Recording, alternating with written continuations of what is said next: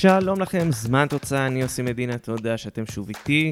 לפני שנצלול אל הנושא של הפרק, נזכיר לכם שאפשר למצוא את שאר הפרקים בכל אפליקציית פודקאסטים אפשרית ועוד המון תכנים. גם בפייסבוק, זמן שלי מספרים, גם בחשבון הטוויטר שלי.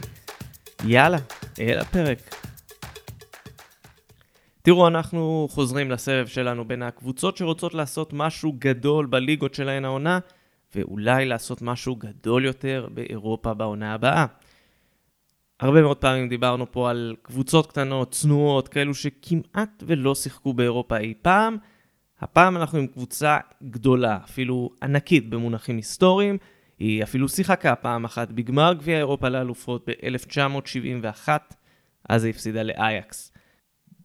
מאז סוף שנות ה-90, אולימפיאקוס היא שליטה כמעט בלעדית בזירה המקומית ביוון. היא זכתה ב-22 מתוך 26 האליפויות האחרונות.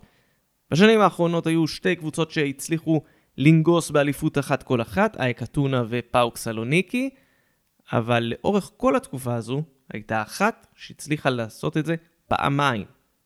פנטינאיקוס כמובן. היא זכתה פעם אחת ב-2004 עם יצחק שום על הקווים, ופעם נוספת ב-2010.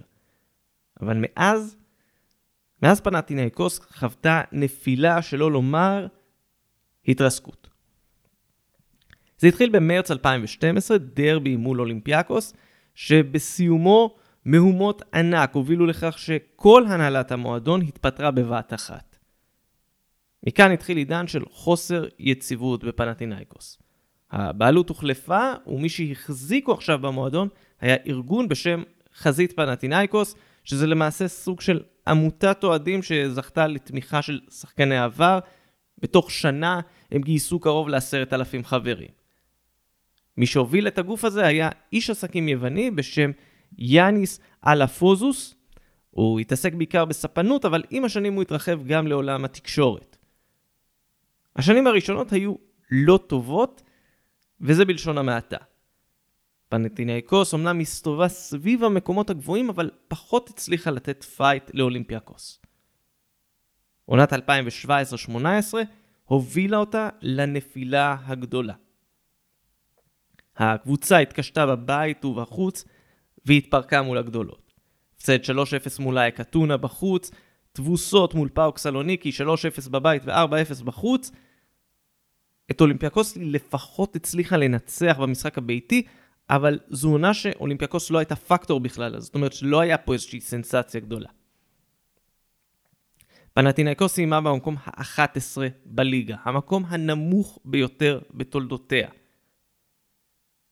אם זה לא מספיק, אז באפריל 2018 היא חטפה את המכה הגדולה ביותר שהייתה יכולה לחטוף. וופא החליטה שפנטינקוס עברה על חוקי הפייר פליי הפיננסי, והשעתה אותה מהמפעלים האירופיים לשלוש העונות הבאות. יש שיגידו שאגב הדבר היותר גרוע זה שבקיץ 2018 הם מינו את יורגוס דוניס, שאימן אחר כך את uh, מכבי תל אביב. בסדר, לא משנה. בעונה שעברה פנטיאניקוס התחילה במסע חזרה לצמרת. היא מינתה מאמן חדש, סרבי בשם איוון יובנוביץ', הוא המאמן שבשיאו הוביל את הפועל ניקוסיה לרבע גמר ליגת האלופות. הוא הצליח לייצב את הקבוצה, לסיים במקום הרביעי בליגה, אבל הסיפור הגדול יותר היה בגביע היווני. שם פנטינאיקוס דהרה עד לגמר ולזכייה אחרי ניצחון 1-0 מול סגנית האלופה פאוק סלוניקי. זה היה התואר הראשון של פנטינאיקוס אחרי שמונה שנים, התואר האחרון שלה היה גביע ב-2014, אבל יותר מזה, העונה הזו החזירה אותה למפעלים האירופיים. בקיץ האחרון היא הספיקה לשחק סיבוב אחד במוקדמות הקונפרנס ליג, היא הפסידה לסלאביה פראג והודחה. אבל העונה המשיכה בצורה מוצלחת הרבה יותר. היא יצאה למסע רכש שכלל כמה שמות די מעניינים. בין השמות הבולטים שהיא החתימה היה אנדרה שפורר הסלובני, כובש די בולט שהגיע מספורטינג ליסבון, קריסטיאן גנאה הרומני ששיחק בעבר בספרד, ובנימין ורביץ' עוד סלובני שהצטרף מדינמו קייב. התוצאה? פנטינאיקוס רצה במשך 16 מחזורים מהפתיחה בלי הפסד, עם 42 נקודות מתוך 48 אפשריות. מאז תחילת השנה החדשה 2023 הם ספגו הפסד ראשון וגם שני ושלישי, אבל הם עדיין מחזיקים במקום הראשון בליגה עם 54 נקודות, יתרון 4 נקודות על פני אייק אתונה ו-5 על פני אולימפיאקוס. שלושה מחזורים לסיום העונה הסדירה, פנטינאיקוס רוצה להיכנס לפלייאוף העליון כשהיא חזק בתמונת האליפות. בסוף השבוע הקרוב היא תצא למשחק ענק. היא תשחק מול אולימפיאקוס, שעבור היריבה מפיראוס זה קרב של להיות או לחדול, כי, כי באמת העונה הזו של אולימפיאקוס, אנחנו זוכרים איך היא התחילה עם הדחה מול מכבי חיפה בליגת האלופות, אבל משם זה הלך והידרדר. יכול להיות שהשליטה הבלתי מעוררת של הכדורגל היווני בשני העשורים האחרונים תאבד סיכוי, לפחות ברמה התיאורטית, דווקא מול פנטינאיקוס.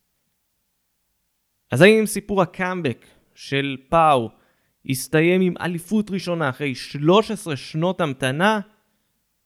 גם אנחנו נמתין, לפחות עד סוף העונה, כדי לראות מה יקרה, אבל זה בהחלט מעודד לראות איך הקבוצה הזו סוג של קמה לתחייה מהקרשים.